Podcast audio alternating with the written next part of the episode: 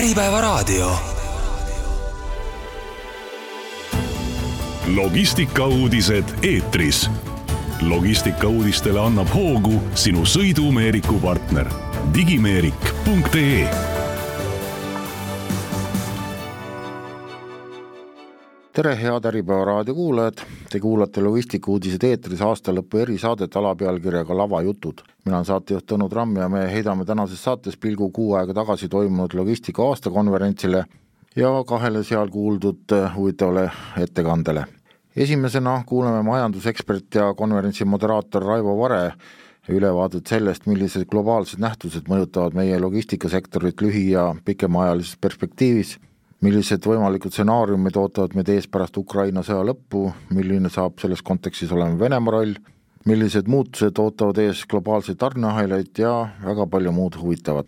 teises saate osas räägib aga äsja maailma parimaks laevandusfirmaks tituleeritud DFDS-i Eesti üksuse tegevjuht Peeter Ojasaar sellest, millist mõju hakkab meie ettevõtete transpordikuludele avaldama uuest aastast merendussektoris kehtima hakkav HTS ehk siis heitkoguste kauplemise süsteem selge on ju see, et äh, meretranspordi hinnad sellega seoses tõusevad, aga kui palju täpselt, sellest ettekandes kuulemegi.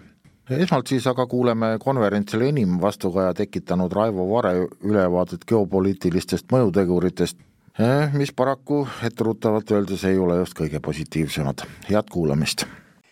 nii, nüüd on siis enam-vähem kodukorra teemad äh, ära käsitletud ja Eh, enne imet mingitel põhjustel korraldajad eh, nägid ka ette, et eh, esimese jutu räägin teile mina esinejana, mitte moderaatorina.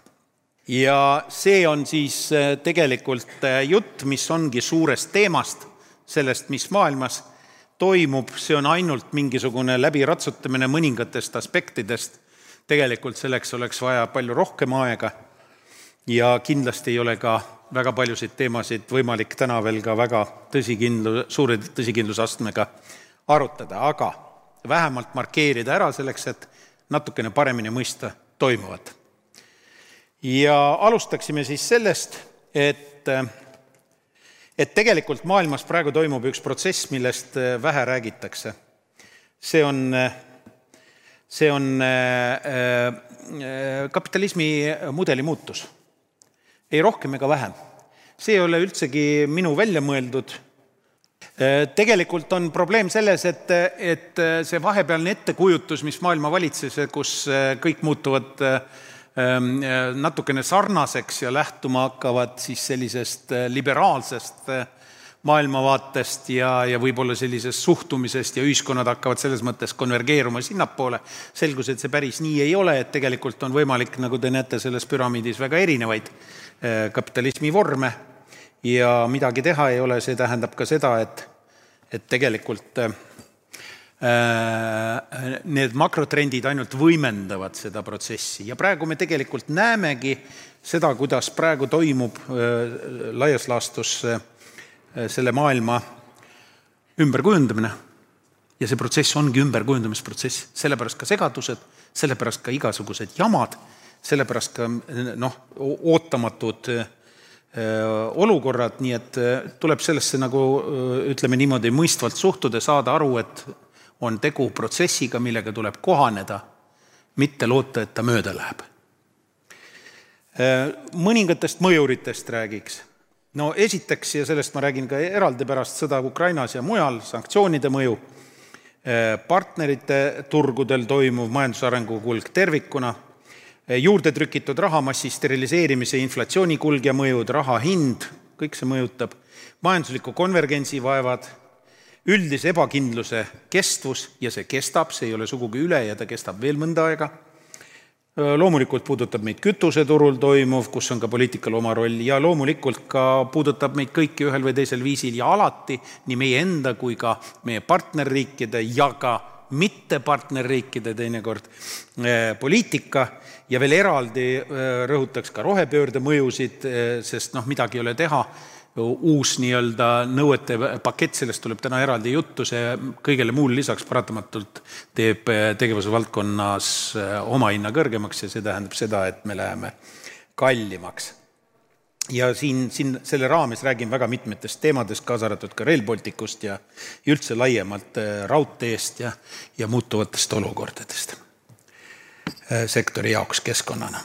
järgmine teema on pika, pikemaajalised peamõjurid, mida ka jõuan ainult puudutada. eelkõige käib väga suur geopoliitiline mäng. ja see mäng käib üle meie peade. me oleme siin nii-öelda kaasas Euroopa Liiduga aga Euroopa Liit on siin paraku eh, mitte kõige tugevam mängija. reaalne pilt on täna selline, et eh, põhi nii-öelda konflikt toimub siin pildikese, väikese pildikese peal.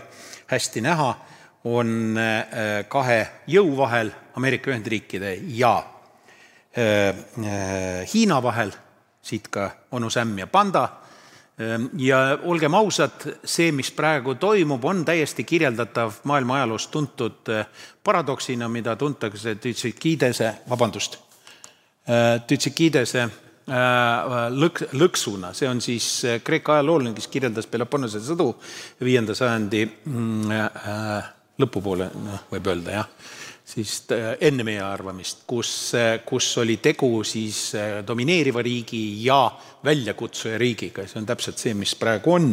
ja nüüd küsimus on selles, kuidas ta saaks laheneda. Harvardis tehti ka, ei, Yale'is oli vist see uuring, mis uuris alates kahekümnendal sajandi, üheksateistkümnenda sajandi algust Napoleoni sõdade järgselt toimunud konflikte ja jõudis järeldusele, et kuueteistkümnest suuremast sedasorti lõksust tulenevast äh, sõjalisest mm, konfliktist ainult neljal juhul lahu, rahunes see, äh, lahenes see rahumeelselt, ülejäänud kaheteistkümnel juhul lahenes ikkagi ühel või teisel viisil relvastatud kineetilisel moel. Äh, nüüd teine teema on majanduslik tehnoloogiliste platvormide võistlus kui siiamaani domineeris läänelik nii-öelda mängureeglistik, raamistik, mille vedajateks olid Ühendriigid ja mille väga tihti autoriteks teadla-, teaduse poole pealt ja, ja algse arenduse poole pealt olid hoopiski eurooplased, siis tegelikult nüüd on hakanud protsess teistpidi minema ja, ja ka teised riigid ja ühiskonnad üritavad nii-öelda luua oma eelkõige, mis me ikka siin keerutame, ikka Hiina üritab luua oma tehnoloogilist konkureerivat platvormi, tehnoloogilise platvormi koostisosadeks olulisemateks on tegelikult äh, ühtepidi tehnoloogia ise ja teistpidi äh, standardid, standardite mäng. Ja see on, see on väga suur mäng, jälle käib üle pea.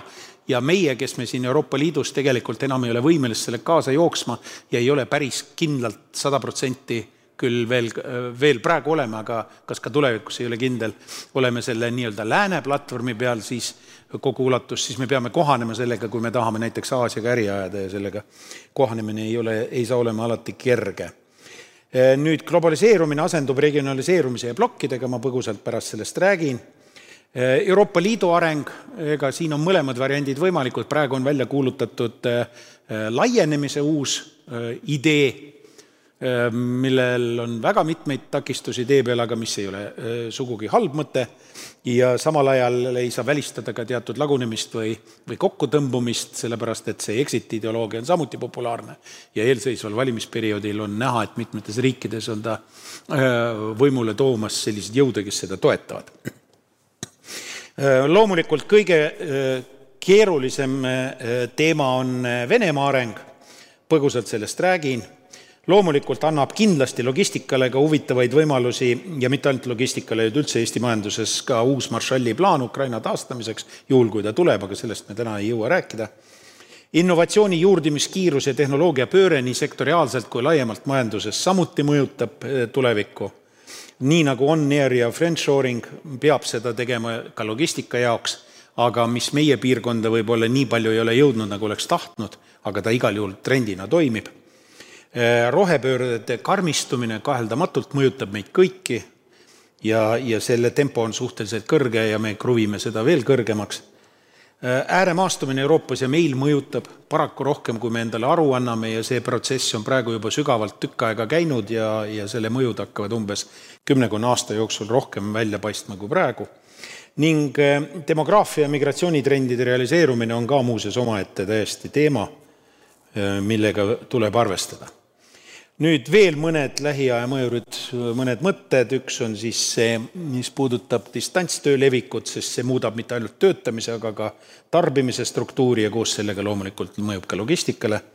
uus majandus kasvab paratamatult, noh, lihtsalt näitena täna Ülemiste City siinsamas Tallinnas on kolmas linn Eestis, kui võtta tema majanduslik mõju. Tallinna ja Tartu järel, nii et noh, Ülemiste City nii-öelda tinglikult Tallinnast välja tõstes. ja, ja see on nüüd asi, mis on toimunud ju viimase kuue-seitsme aastaga väga kiiresti riiklik poliitika mõjutab äh, väga palju seda, mis, mis meil toimuma hakkab ja meil see poliitika juurdumine ei, ei ole ette, vaid takkajärgi osaliselt toimiv teatud valdkondlikult, aga noh, peaasi on see, et meil muutuks, fundamentaalne muutus toimuks, mis ei ole minu meelest lõpuni ka poliitika mõttes toimunud Eestis ühiskonnas tervikuna, see on see, me oleme olnud alati kohanemise maailmameistrid ja me oleme selle üle uhked olnud ja meie nii-öelda loogika on lähtunud sellest, et midagi ei ole vaja väga palju pingutada, küll me kohaneme, küll, küll saab hakkama. aga ainuüksi vana rasva peal kohanemine mm, tegelikult enam edu ei too ja see on, see on raske protsess ümberkujundamist mm, läbi viia. rohepoliitika puhul me näeme, kuidas seda proaktiivselt tehakse, aga näiteks väga paljudes teistes valdkondades mitte ja muidugi iseenesest rohepoliitikast rääkides, paavstist paavstim rohepoliitika ühes väikeses riigis, väikeses nurgas ei ole keeru-, ei ole päris lihtne teema konkurentsi äh, situatsiooni arvestades, näiteks logistikasektoris ka, kus on ülemaailmse konkurentsiga tihtipeale tegu. Äh, ja, ja kuidas see hakkab välja paistma, see, eks me seda näeme, aga see praegu läheb kiirenevas tempos ja kahe tuhande neljakümnendal aastal veel kiiremaks. Äh, või selleks ajaks peab enam-vähem juba ühel pool olema meil ja muidugi, eh, mis puudutab kokkuvõtet, seda, mis ma nagu tahaksin teile korraks nagu ette öelda, et vaadake, tegelikult praegu on käsil üleminekuetapp vana majandusmudeli juurest, kus olid odavad nii energia, toorme, tööjõu kui raha hinnasisendid, uuele mudelile, mis enam neid ei sisalda odavatena. Või isegi võimalusel näiteks ida ähm, äh, nii-öelda sisendid on äh, üleüldse pärsitud ja veel tõenäoliselt jäävad mõneks ajaks pärsituks vähemalt. ehk siis teisisõnu, see ei saa lihtsalt valutult mööduda. Ja Eestis konkreetselt on need kõik need sisendid olnud äh, just sedapidi, et nad on olnud nii-öelda suhteliselt odavad ja selle kaudu toetanud meie konkurentsivõimekust majanduslikku, aga nüüd see aeg on läbi ja ta enam ei tule tagasi. ja üleminekuetapp on selle võrra segasem ja raskem nii et sellega tuleb lihtsalt arvestada. nüüd räägime sõjast. sõda, kaua kestavad sõjad? siin on graafik Napoleoni sõdadest alates kuni äh, külma sõja lõpuni on uuring tehtud ja see näitab, et äh, tegelikult äh, valdav osa sõdadest on olnud kuni pool aastat.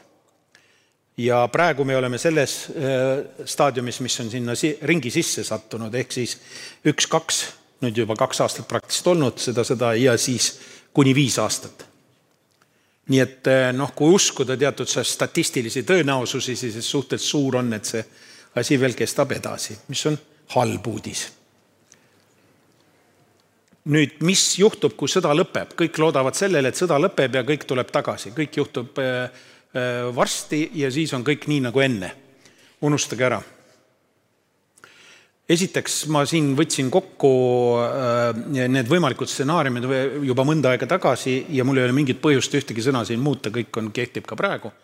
Need on tegelikult need kolm põhilist suunda või õigemini neli põhilist suunda, millises äh, toimimine äh, praegu on erinevatel pooltel erineva populaarsusastmega ja sooviga või, või tahtega kinnitatud. Ja kui me vaatame seda, siis paraku nagu te näete, siis hetkel on käigus stsenaariumid neli ja kolm. Ja tegelikult sellest on nii palju kirjutatud, ei ole mõtet täna praegu seda, seda aega siin ära raisata selle peale, aga aga fakt on see, et, et tegelikult eh, kurnamissõja staadium on nagu ametlikult välja kuulutatud mõlemate osapoolte poolt sisuliselt kinnitatud ja tegelikult praegu toimub paraku tegevus, paraku sellepärast, et see vaherahu ei ole kasulik meie vaatepunktist, Ukraina vaatepunktist rääkimata, vaherahu suunas.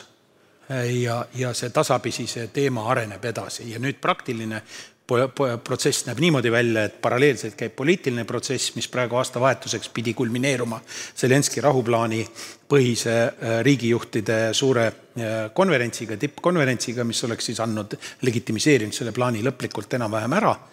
See tõenäoliselt äh, päris sellisel kujul käima ei lähe, sellepärast et näha on, et kõik, mis puudutab selles plaanis noh, plaan oli kümme punkti, viis punkti on sellised, mis on nagu vastuvõetavad laiemale publikule, viis punkti on, mis puudutavad Venemaa vastutusele võtmist erineval viisil ja vormides, siis seda praktiliselt ei ole. viimasel kokkusaamisel riigi tippjuhtide äh, strateegia ja julgeolekunõunike kokkusaamisel Maltal, mis oli siis pärast Žitat ja, ja, ja alas, algas suve algul ähm, Kopenhaagenis.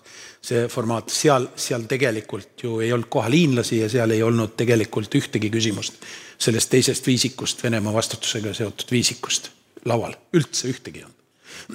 nii et see annab aimu, kuhu, kuhu asjad natukene paraku liiguvad. ja, ja see on nagu halb uudis, sellepärast et noh, mis sealt edasi saab, eks, eks näib, igal juhul on fakt on see, et ka sanktsioonidega ei, ei lõpetata kohe, kui, kui ka vaherahu tekib, siis kindlasti mitte. kui jõutakse mingisuguse rahuvormelini, mis nagunii on suhteliselt ebasoodne Äh, siis ka siis kohe sanktsioonide kogu pakett ei kao ja see näeb välja niimoodi, et me peame arvestama äh, päris pikema perioodiga, et on piirajad peal. Äh, nüüd mis puudutab Venemaad tervikuna, siis ausalt öeldes selle jama kordumise vältimiseks, jällegi Venemaa on eraldi teema, ma ei jõua siin seda rääkida, aga ei ole küsimus ainult Putinis ja, ja selleks, et vältida selle olukorra kordumist, oleks vaja seda seitse D plaani. Äh, aga kas keegi siin saalis on, kes vähegi Venemaaga kokku puutunud on, usub, et selle realiseerimine on võimalik lähiaja perspektiivis? Ehk siis kõik need seitse asja tuleks ära teha, demilitariseerimine, denukleariseerimine, detsentraliseerimine, demokra-, demokratiseerimine, dekommuniseerimine, destaliniseerimine, deputiniseerimine. võib-olla deputiniseerimine on võimalik ja võib-olla ka destaliniseerimine mingil kujul. aga kui te lähete näiteks, ma käisin siin Vene opositsioonikonverentsil esinemas, kui te katsute ainult rääkida sellest, et järsku noh, nagu Venemaa võiks ju mitmeks tükiks minna, oleks hea rahulik olla mõnda aega. Nad lähevad kohe põlema, nad ei kujuta ette, kuidas, see veel hullem tuumarelvad ära võtta või, või piirata. mis te räägite, Venemaa lihtsalt peab, valitsetakse halvasti, aga demokraatlikult valitsedes, aga peab olema tuumariik, kellel on otsustav sõnaõigus maailma asjades see on ka opositsiooni vaade, ma ei räägi ju režiimist, ma räägin opositsioonist. ja see on sisse kodeeritud sellesse imperiaalsesse mõttemalli, mis selles riigis on alati valitsenud, kes äri ajab, nendega teab, et see on ka enne olnud, lihtsalt teises vormis, ja see on lihtsalt paratamatus, sellega tuleb arvestada, nii et Venemaaga pinged mingil määral jäävad, halb uudis meie jaoks on see, et see surub meid äh, näiteks mõnes mõttes äh, majanduslikus äh, koostöös allapoole ja, ja, ja nurka. Nüüd, kui me vaatame Vene majandust pärast sõda, siis peamine küsimus jääb, kas, kas ta muutub struktuurselt või mitte. Ja noh, ega siis sõja lõpp toob kaasa tõenäoliselt mingisuguse varade ümberjagamise igal juhul. ja see on segaduste aeg ka igal juhul, nii et see saab olema suhteliselt keeruline. see on konkreetne äriline teema muuseas, sellepärast et kui teete panuse valele hobusele ja toimub ümberjagamine ja Vene moodi ümberjagamine on karm ümberjagamine, siis see on, on äririsk ja sellega tuleb arvestada. Nüüd teine asi, mis on, on see peaprobleem Venemaa majandusliku arengu jaoks, on usalduse taastamine läänes ning sanktsioonidest lahti saamine, eriti tehnoloogia alal.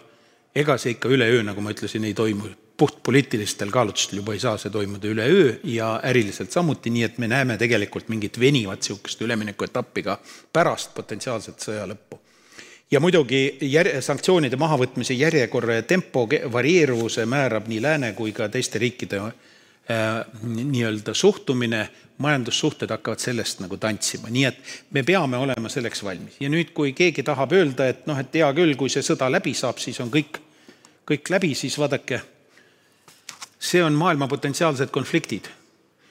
kui te võtate selle sinise ringi, see on see, see sõda oletame, et see on läbi, pinge jääb üles, aga sõda on läbi. aga nüüd vaadake, kas keegi usub, et nendes kohtades kõik asjad lahenevad? siin käib ka sõda praegu, eks ole, see on kogu aeg soolas, siin on kogu aeg soolas, siin on praegu riigipöörde staadium, aga siin tuleb uus sõja suur laine. nii et, nii et kas keegi usub, et see muutub? ka pärast seda, kui näiteks see, see sõda läbi saab? tõenäoliselt mitte. Ühel või teisel viisil need jätkuvad ja need on kõik sedasorti konfliktid, millel on mõju, laiem rahvusvaheline mõju kui ainult kahele, kolmele või kaheksale riigile, mis sellest piirkonnas on konfliktist haaratud, nii et see saab olema väga-väga keeruline.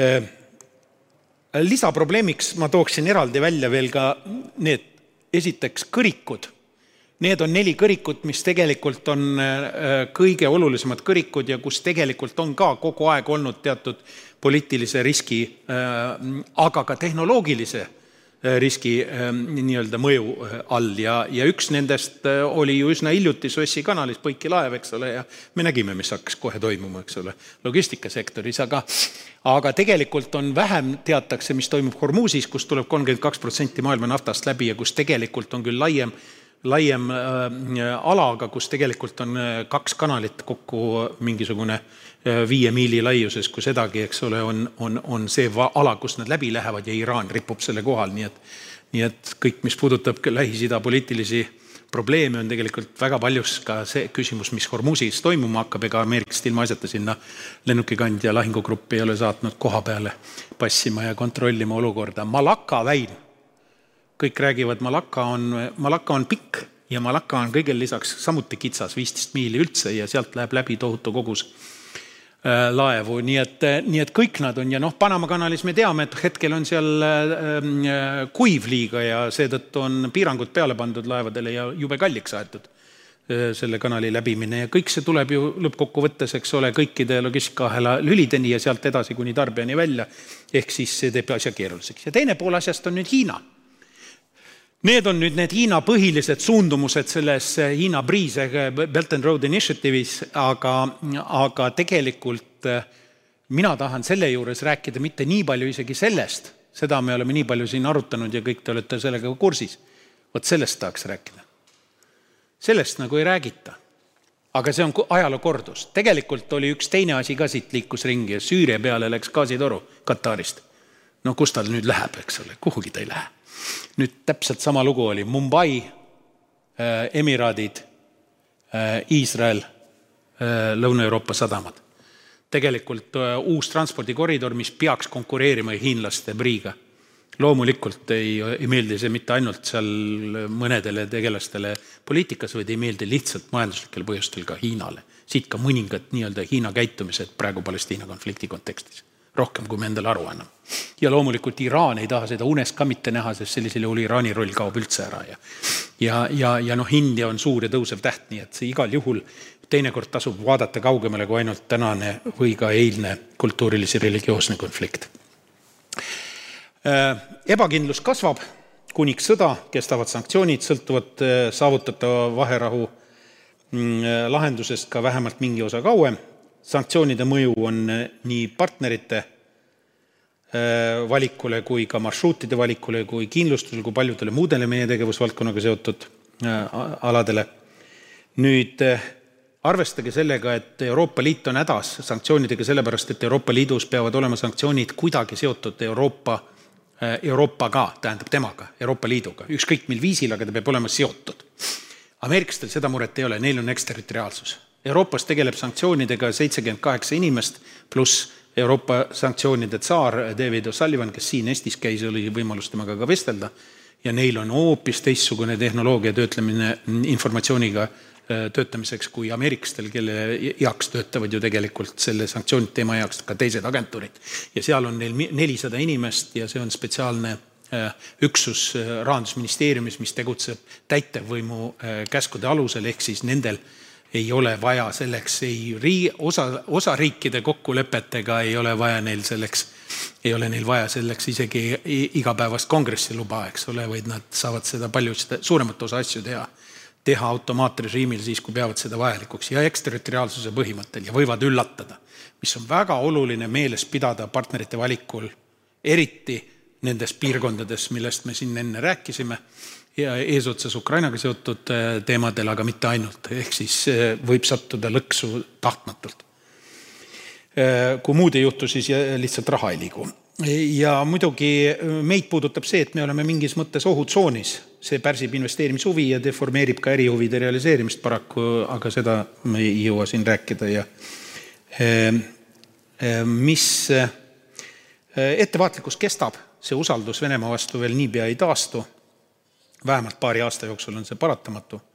ja muidugi ebakindlusel lisavad oma rolli ka kõik need asjad, mis siin on kirjeldatud USA-s, mis toimub, mis Euroopa Liidus toimub, mis on inflatsiooniga juhtub, sellest ma veel räägin, intressidest. ja muidugi üldine hinnang Euroopas kipub olema praegu selline, et taastumine alles kahe, kahekümne neljanda aasta teises pooles toimub meil siin ja kõige pessimistlikum väide ütleb, et kadunud kümnend on meil ees. Eriti arvestades kõiki neid segadusi üleminekuperioodil ka. mis aga meid puudutab ja see on väga oluline viimane lause siin slaidil, catching up economy eripära on Eestile iseloomulik, see on see, et konvergents toimub, aga konvergents toimub õiges järjekorras, alati. ja see järjekord on ebameeldiv, alguses hindades, siis alles tuludes.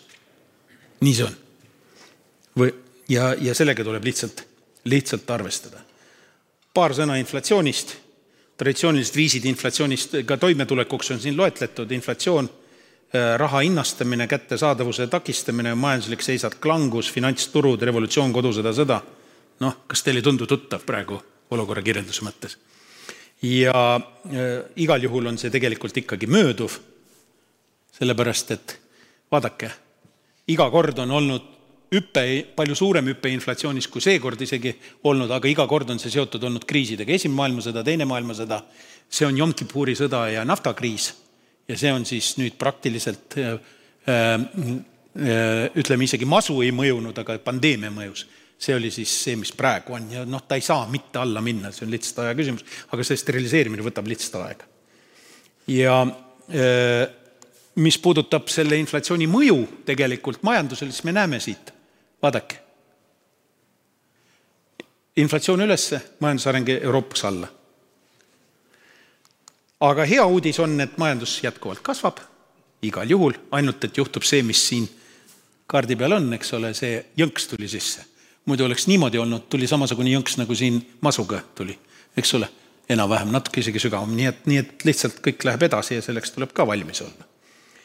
nüüd ma võib-olla jooksen üle järgmistest asjadest, kuidas Hiina on võtnud maailma üle, see on, sinised olid kahe tuhandel aastal need riigid, kus peamine kaubanduspartner oli Ühendriigid, punasega on need riigid, kes kakskümmend aastat hiljem on peamine partner Hiina. see on toimunud vaikselt, ilma igase sõjata ja igase, eks ole, konfliktita. aga see on üks asi, mida ma tahaksin teile veel näidata ja sellega tuleb arvestada see on tegelikult see, et, et täna prognoositakse, et sajandi keskpaigaks on majanduslik ülekaal rahvusvahelises kaubanduses läinud demokraatlike riikide poolt üle käest, need on punases, kollaste kätte, ehk siis ma ei tea, miks need kollased seal joonistati, äh, mittedemokraatlike riikide kätte. Ja see on nüüd tõsine teema. Ainult, ainult kakskümmend kuus protsenti jääb demokraatlike riikide kätte äh, kaubandust, rahvusvahelist kaubandust. see on tõsine teema kui see nii peaks minema, siis, siis me oleme hädas. kuidas olid defineeritud need sinised, missugused riigid, oskad sa näitena öelda, olid need sinised? sinised olid, äh, olid moderately free.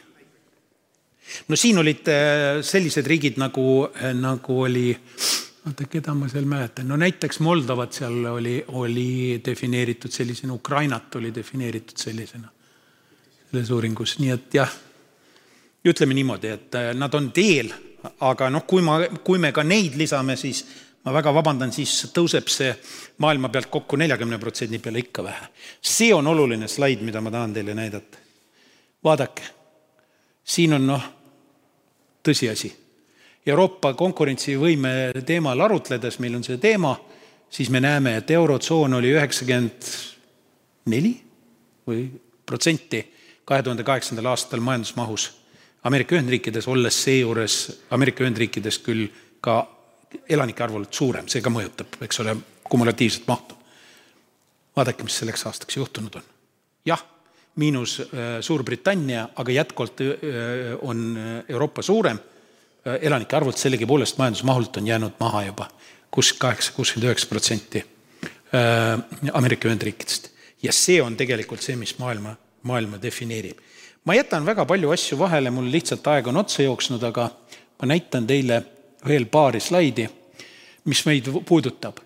kaubanduse, rahvusvahelise kaubanduse arengukõverad. näete, mis on juhtunud, ka Hiinal on alla läinud. aga selle taga on muuseas eh, sügavad protsessid ja, ja, ja tegelikult kõik on alla läinud, ehk siis see vahepealne rahvusvahelise kaubanduse nii-öelda hüppeline ennakkasv võrreldes majanduskasvuga on läbi ja tänaseks on ta jõudnud äh, nii-öelda teistsugusesse korrelatsioonivormelisse, kus tegelikult kohalik lokaalne majanduskasv ja regionaalne majanduskasv ennetab äh, rahvusvaheliste vedude ja, ja rahvusvahelise kaubanduse kasvu. see on deglobaliseerumise üks kaasnähtusi. teine asi on siin see kirjas, näete, mis on juhtunud.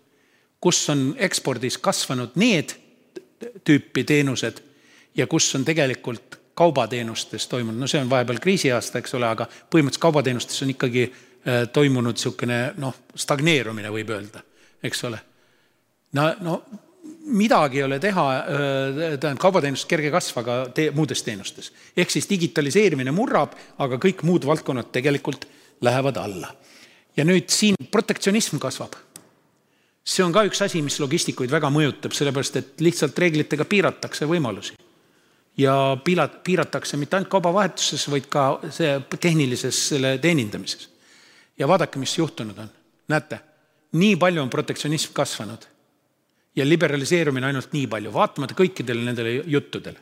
ja see protsess tegelikult äh, äh, jätkub noh, regionaliseerimist me ei räägigi, sest kõik need plokid täna tegelikult tähendavad, et on suur osa sellest äh, nii-öelda maailma majandusest hakkab kokku tõmbuma regiooniti, Hiina ümber üks moodustub näiteks ja, ja see on äh, RCEP-i puhul, mida hiinlased vedanud on, on äh, nelikümmend protsenti maailma majandusmahust, nii et, nii et see ei ole niisama Hiina läheb tehnoloogias edasi, teeb oma platvormi, ta on, valitseb siin ka igasugustes tehnoloogiates. Need on need tehnoloogiad, mis tulevikus, pärast saate materjalidest vaadata, mis tulevikus nii-öelda äh, kokku tõmbuvad ja mis kasvavad, mis on siis potentsiaalne turg meie poolt vaadates. siin on toodud kümme kõige rohkem kasvavat ja kõige vähem või kokku tõmbuvad siin on see, mis meie sektoris on siin pandeemia eelsel ajal ennustatud, kuidas hakkavad kulgema automatiseerimise teemad ja siin on siis ka veel suhteliselt blockchain ja ja, ja, ja ähm, artificial intelligence on siin veel keskkohal, aga selle osakaal muidugi kasvab. ja tehakse tööd.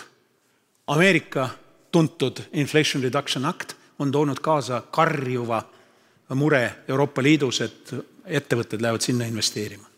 Euroopa Liit teeb seda niisuguses, nagu ikka, vaikses tempos depopuleerumine, vaadake, mis Euroopas toimub, rohelised alad on, kus rahvast juurde tuleb, lillad alad, kus rahvast väheneb. ja see on veel hullem pilt. Aafrika keskmine vanus kuni üheksateist aastat saab olema kaheksateist aastat, Aafrika juurdekasv kasvatabki kogu maailma elanikkonna kasvu. noh, näete, mis siin juhtub. Kolmkümmend viis protsenti saavad olema öö, noored. ehk siis tegelikult meie jaoks on see tähtis, vaadake, see pilt on enam-vähem praegu, kaks Euroopat mahub Aafrikasse see pilt on varsti, me seda näeme veel, ja see pilt on sajandi keskpaigaks. ja see ei saa mõju mitte avaldada, igal juhul. ja see on nüüd rohepöördest viimane lause. palun vabandust aja ülemineku eest. see on nüüd näide tegelikult, kus me oleme päris olukorras.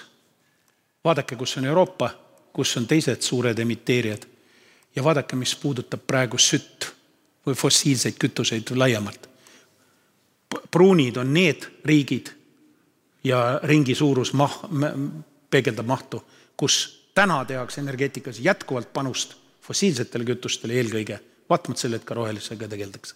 ja rohelised on need, kus tehakse vastupidiseid panuseid. lihtsalt, et pilt oleks adekvaatne ja vaadake, mis süsi täna endast ikka veel kujutab. Roheline osa on süsi maailma energeetikabilansis kolmkümmend viis koma neli protsenti. See on tegelikult tegelikkus, mis tegelikult tekitab olukorra, kus meil saab olema konkurentsipositsioonis väga tugev vastasseis roheteemadel ülejäänud maailmaga ja kuidas see laheneb nendes riikidevahelises konkurentsis ja majanduskeskuste vahelises konkurentsis, seda keegi ei tea, ja see on stsenaariumide raamistik, kuidas need arengud võiksid minna siin Euroopas. Ja see on siis seepärast, saate vaadata, kuidas erinevad stsenaariumid mõjutavad erinevaid äh, parameetreid see on tegelikult väga kiiresti läbi ratsutatud teemad ja ka mitte kõik, mida oleks tahtnud põhjalikumalt katta, aga no midagi teha ei ole. peamine mõte, maailm muutub paratamatult, me ei saa sinna mitte midagi parata, peame kohanema ja me peame seda targalt tegema. Te kuulsite Raivo Vare ülevaadet globaalsetest trendidest, mis ülemäära palju optimismi küll ei tekita, kuid nagu ettekandja ise ütles, muretsemiseks pole põhjust, sest oleme edukalt välja tulnud palju hullematest olukordadest. Nüüd aga jätkame juba vägagi konkreetse teemaga. alates esimesest jaanuarist kaks tuhat kakskümmend neli hakkab merendussektoris kehtima HTS ehk heitkoguste kauplemise süsteem mida see täpsemalt tähendab ühele laevandusettevõttele ja millega peavad arvestama meie logistika- ja transpordifirmad, kes sageli üle lahe Soome või Rootsi kaupa veavad. sellest ja veel paljuski muust annab järgnevas ettekandes ülevaate DFDS Eesti tegevjuht Peeter Ojasaar, head kuulamist! tere päevast, Peeter Ojasaar jah, DFDS, Eesti filiaal. DFDS on äh, integreeritud äh, logistika- ja laevandusettevõte, äh, meie ajalugu ulatub sada viiskümmend neli aastat tagasi, äh, kui äh, ettevõte siis äh, rajati ühinenud aurulaevade ühingu näol. aga nüüd me oleme siis olukorras, kus, kus räägitakse väga palju pöördelisest ajast ja, ja, ja, ja kui, kui nüüd rääkida meie tegevustest konkreetselt, siis see pilt selgitab üsna, üsna hästi, millega me tegeleme. see on treilerite, rekkade ja, ja siis ka erasõidukite vedu Rootsi vahel. Soome, Soome vahel meil hetkel ei ole, küll aga teeme koostööd ühe laeva, laevafirmaga ja, ja eel me näeme seal siis väikest laeva ja suurem laev taga. ees sõidab siis Tallink ja meie siis järgi, see iseloomustab ka meie sellist igapäevast äh, olukorda siis äh, sellel turul. nüüd äh, Kaupo rääkis üsna selgelt ja, ja klaarilt äh,, mis, mis siis nagu poliitikud on otsustanud ja, ja mis meil nagu ees ootab ja, ja kuidas me siis äh, selles olukorras ettevõtjatena peame hakkama saama. ja tegelikult olukord on natukene sarnane kaks tuhat viisteist, kui tuli see väävlidirektiiv ja, ja selline asiotaaž oli, oli õhus ja, ja paljud väga, väga kartsid, et asi läheb käest ära. no ei läinud käest ära ja maailma, maailmas ei saanud kütus otsa ja kõik, kõik äh, toimis edasi. aga, aga fakt on see, et äh, laevandusettevõte ei saa selliseid kulusid alla neelata ja, ja see tuleb edasi anda turule, ehk siis lõpp, lõpptarbija on see, kes tegelikult äh, peaks selle kinni maksma. nüüd ma jätan selle poliitika osa nagu kõrvale, aga, aga lühidalt, lühidalt ütlen seda, et äh, Euroopa Liidu siseselt äh, peavad siis laevandusettevõtted hakkama ostma kvoote. Ehk siis heitekvoote. Ja, ja see on see, millega me siis nüüd hakkamegi tegelema et aru saada, mis see kulu siis äh, laevandusettevõttele kõigepealt ja, ja siis ka turgudele ehk, ehk siis meie klientidele. Äh, nüüd see kaetus, äh, noh, piltlikult võib öelda, et Euroopa Liidu siseselt sada protsenti on kaetud ehk siis kõik Euroopa Liidu sadamate vahelised liik-, liiklused on sajaprotsendiliselt kaetud nende kvootidega. ja, ja kui nüüd viiskümmend protsenti on siis äh, kolmandate riikide ja Euroopa Liidu vahel. nüüd äh, ma hüppan sellest üle ja lähen kohe asja juurde. mis see, mis see nagu tähendab siis äh, meie klientidele?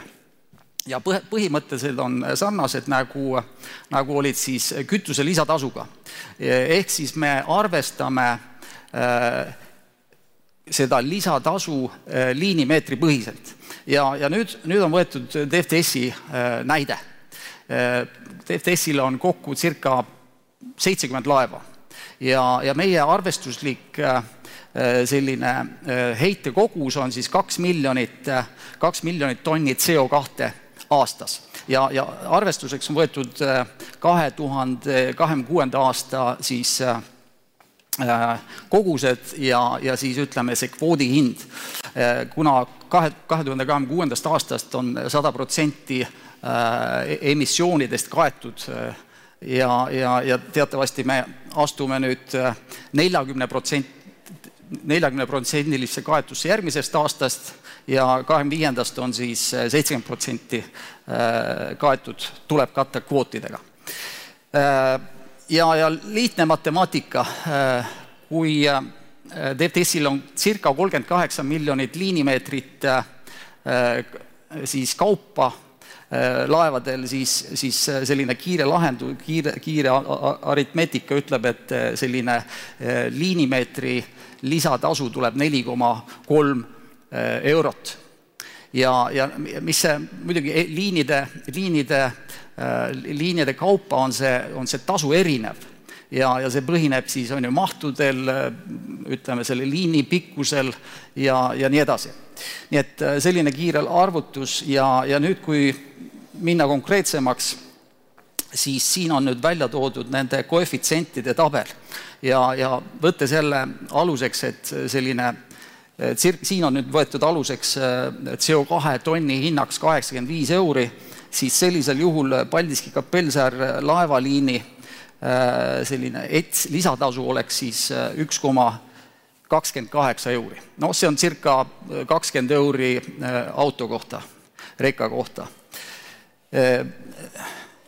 nüüd muidugi pikemad liinid rohkem, lühemad liinid vähem ja, ja nii see on. Ja nüüd, kui tagasi minna selle graafiku juurde, siis äh, siit me näeme siis seda, et äh, hinnanguline hinna hinnatõus on siis circa viis protsenti ja see nüüd ei ole konkreetselt äh, äh, Paldiski kapellsäri hinna, hinnatõus, vaid, vaid see on Baltikumi keskmine. ja, ja see siis äh, aasta, aasta järel tõuseb kahekümne viiendal neli, neli protsenti, kahekümne kuuendaks aastaks kolm koma kaheksa protsenti. nii et kaks tuhat kakskümmend kuus ongi see, see koht, kus me äh, oleme selles täisreaalsuses, kus äh, äh, me peame siis katma kogu oma heitme, heitme äh, kogused siis kvootidega, sajaprotsendiliselt. nüüd konkurentsiolukord meie siis koridoris. Tegelikult võtan paar sõna ka rohepöördest, kuna see oli küsimus, et TFTS-is meil on nagu pilt selge, mida me tahame, mida me otsime, me otsime jah, seda, seda kõige puhtamat kütust ja me ei ole seda veel leidnud. aga töö käib ja, ja selles suunas me liigume ja praegu on laual siis äh, ammoniaak ja, ja metanol. aga, aga sinna tuleb veel jõuda, selleks on äh, hetkel selline kõige lihtsam ja kõige kiirem on, on siis siiski kulude optimeerimine. Äh, biokütust vaatame, HVO-d, sama, mida, mida rekadesse pandakse Äh, noh, kaldaelekter, kõik teavad, kaks tuhat kolmkümmend on, on vaja äh, ühendada laevad kaldaelektriga, äh, selles suunas me ka ise liigume. sõidugraafikute optimeerimine, see on, see on selline kütuse kokkuhoiu nagu eesmärgid nii et laevakere ja sõukruvid, need on kõik sellised, sellised fine tuning ud, et, et siis noh, kokku, kokku hoida CO kahte.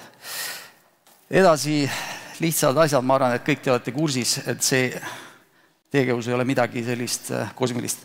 nüüd äh, mahud äh, Rootsi ja Eesti vahel, et äh, noh, pilt sel-, selgitab väga, väga hästi, mis, mis on toimumas ja ja eriti just viimased kuud on, on kukkumine olnud äh, päris selline märkimisväärne ja ja, ja kui me nüüd vaatame koridori, siis muidugi tekib küsimus, et, et kaua see kestab ja kaua me niimoodi noh, ütleme siis pooltühjalt sõidame ja kaua me jaksame, sellepärast et on ka konkurendid äh, toimetavad ja ka nemad arvatavasti ootavad ja, ja usuvad, et, et läheb paremaks, aga aga ikkagi kuulates kliente ja, ja, ja rääkides välja, siis, siis on kõik selge, et, et noh, kui Skandinaavial äh, läheb halvasti, siis äh, ei ole meil ka midagi siin head oot-, oodata. nii et loodame ja palvetame, et Skandinaavia hakkab ärkama ja nende ostuvõime tõuseb ja, ja selle läbi ka siis lõpuks äh, kogu see ahel läheb tööle. ja noh, siin on toodud erinevaid selliseid minu, minu seisikohti, selle, selle nimekirja võib veel pikaks lüüa ja võib-olla me siin äh, saame arutada neid asju, mida võiks teha selleks, et äh, meil võiks või, minna paremini. nii et äh, lühidalt praegu kõik, aitäh.